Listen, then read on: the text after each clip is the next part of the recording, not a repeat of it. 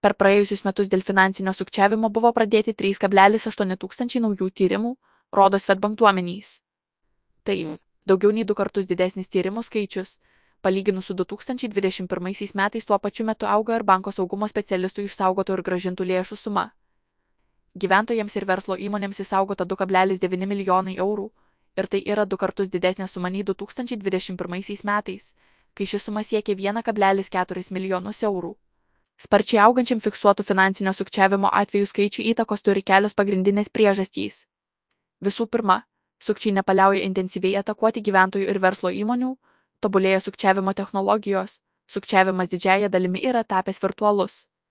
Kita vertus, stiprėja ir išmanėja banko prevencinės ir stebėsenos sistemos, leidžiančios operatyviai fiksuoti netipinę klientų elgseną bei įtartinus mokėjimus, sako Žygida Augonė, Svetbank. Informacinės saugos vadovė. Be to, kaip pastebi Žiaugonė, gyventojų samoningumo lygis taip pat auga, todėl žmonės, susidūrę su įtartinomis veikomis, vis dažniau apie tai praneša savo bankui ir policijai. Svetbank duomenimis, 2022 metais dėl sukčiavimo patirta finansinė žala siekia 2,5 milijonų eurų, metais anksčiau 2,4 milijonus eurų. Pasak Žiaugonės, nors patirta žala augo nežymiai, visgi praėjusiais metais daugėjo ko ne visų tipų sukčiavimo atvejų, todėl bendra tendencija neramina - sparčiausias - sukčiavimo žinutėmis augimas. Praėjusiais metais Svetbank užfiksavo 2,6 karto daugiau sukčiavimo žinutėmis atvejų. Dėl tokio sukčiavimo pradėta daugiau kaip 1,7 tūkstančius tyrimų. Banko informacinės saugos specialistė atkreipė dėmesį, kad vis dažniau melagingos žinutės gyventojus pasiekia ne tik SMS pranešimais, bet ir Viber WhatsApp ir kitomis bendravimo programėlėmis. Pasak Žiaugonės, itin dažni sukčiavimo atvejai, kai gyventojai gauna pranešimus su raginimu prisijungti prie savo interneto banko, atnaujinti smartidė paskyrą ar patvirtinti mokėjimą, kurio neinicijavo. Nors sukčiavimų žinutėmis skaičius pernai smarkiai išaugo, tačiau bendra dėl šio sukčiavimo būdo patirta žala per metus sumažėjo ko ne keturis kartus ir siekia 108 tūkstančius eurų. Tai rodo, kad šį sukčiavimo būdą gyventojai vis dažniau sugeba atpažinti, jis nebėra toks veiksmingas, pažymi Svetbank ekspertė netikra romantika ir fiktyvios investicijos. Pernai Svetbank pradėjo du kartus daugiau tyrimų susijusių su romantiniais ryšiais pagrįstų sukčiavimu.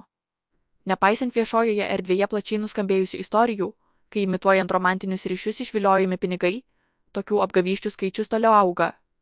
Deja, vis dar pasitaiko atvejų, kai banko darbuotojas ar pareigūnas, kuris patarė sukčiavimo aukai netlikti rizikingų pavedimų mylimam asmeniui į kitą valstybę, būna apkaltinamas kaip kliudantis asmeniniam gyvenimui. Pasakoja Žiaugonė, jos teigimu, pasitaiko tokių romantinio sukčiavimo atvejų, kuomet sukčių aukos tokiuose schemose netenka kelių dešimčių tūkstančių eurų. Remiantis Svetbank duomenimis, pernai daugiau nei 90 procentų augo fiktyvaus investavimo sukčiavimo atvejai, kurių metu žadamos itin pelningos investicijos. Dėl tokio tipo sukčiavimo pernai banko saugumo ekspertai pradėjo virš 500 tyrimų. Gyventojai, kurie socialiniuose tinkluose ar interneto reklamose mato gundančius pavyzdžius investuoti su 2500 procentų investicijų graža per itin trumpą laikotarpį, turėtų prisiminti, kad vidutinė investicijų graža ilguoju laikotarpiu sviruoja apie 7-9 procentai realybės netitinkantis pažadai turėtų sukelti rimtų įtarimų, kad tokie investavimo pasiūlymai yra melagingi. Pabrėžė Svetbank informacinės saugos vadovė, daugiausia nuostolių dėl iš ankstinių mokėjimų. Svetbank ekspertės teigimu, Vienus didžiausių nuostolių 2022 metais gyventojai patyrė dėl sukčiavimo kredito kortelėmis ir apgavyščių, susijusių su iš ankstiniu mokėjimu už prekes. Tokio pobūdžio sukčiavimo atvejų skaičius per metus Lietuvoje išaugo tris kartus iki beveik 530, o dėl jų patirti nuostoliai viršijo 580 tūkstančių eurų. Ši žala buvo patirta dėl iš ankstinių mokėjimų, kuomet žmonės susigundo pirkti iš nežinomų pardavėjų, tačiau norimos prekės nesulaukia arba gauna menkavertį jos pakaitalą sako Žiaugonė.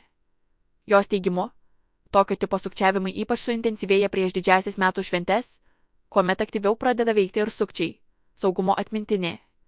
Svetbank informacinės saugos vadovė primena kelias paprastas saugumo taisyklės, kurios gali padėti išvengti sukčių ir nuostolių.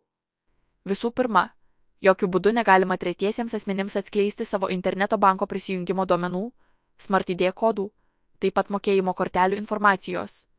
Bankas nesiunčia SMS, Viber ar WhatsApp pranešimų ir neskambina telefonu, kad tokią informaciją rinktų iš savo klientų. Savo tapatybę klientas turi patvirtinti vienu vieninteliu atveju, kai pats kreipiasi į banką telefonu ir turi būti identifikuotas. Antra, nepatartina spausti jokių nežinomų nuorodų, kurios atkeliauja elektroniniu paštu, SMS ar pokalbių programėlėmis. Kad ir kaip patraukliai skambėtų gauta žinutė ar laiškas. Pavyzdžiui, jūs laimėjote interneto loterijoje arba jums atiteko palikimas. Tai gali būti virusas arba sukčių jaukas išvilioti svarbę asmeninę informaciją. O vėliau ir pinigus.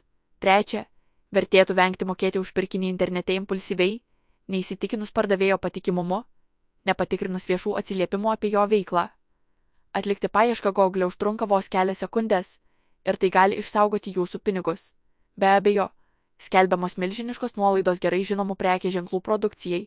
Dar vienas signalas, kad jūs medžioja sukčiai. Pabaigai, ir romantinių virtualių santykių ir investavimo atvejais patartina saugoti šaltą protą, o pinigus laikyti toliau nuo verdančių jausmų ir emocijų. Esant bent mažiausiam įtarimui, reikėtų nedelsiant nutraukti vykdomą operaciją ir kreiptis pagalbos į banko specialistą arba policiją.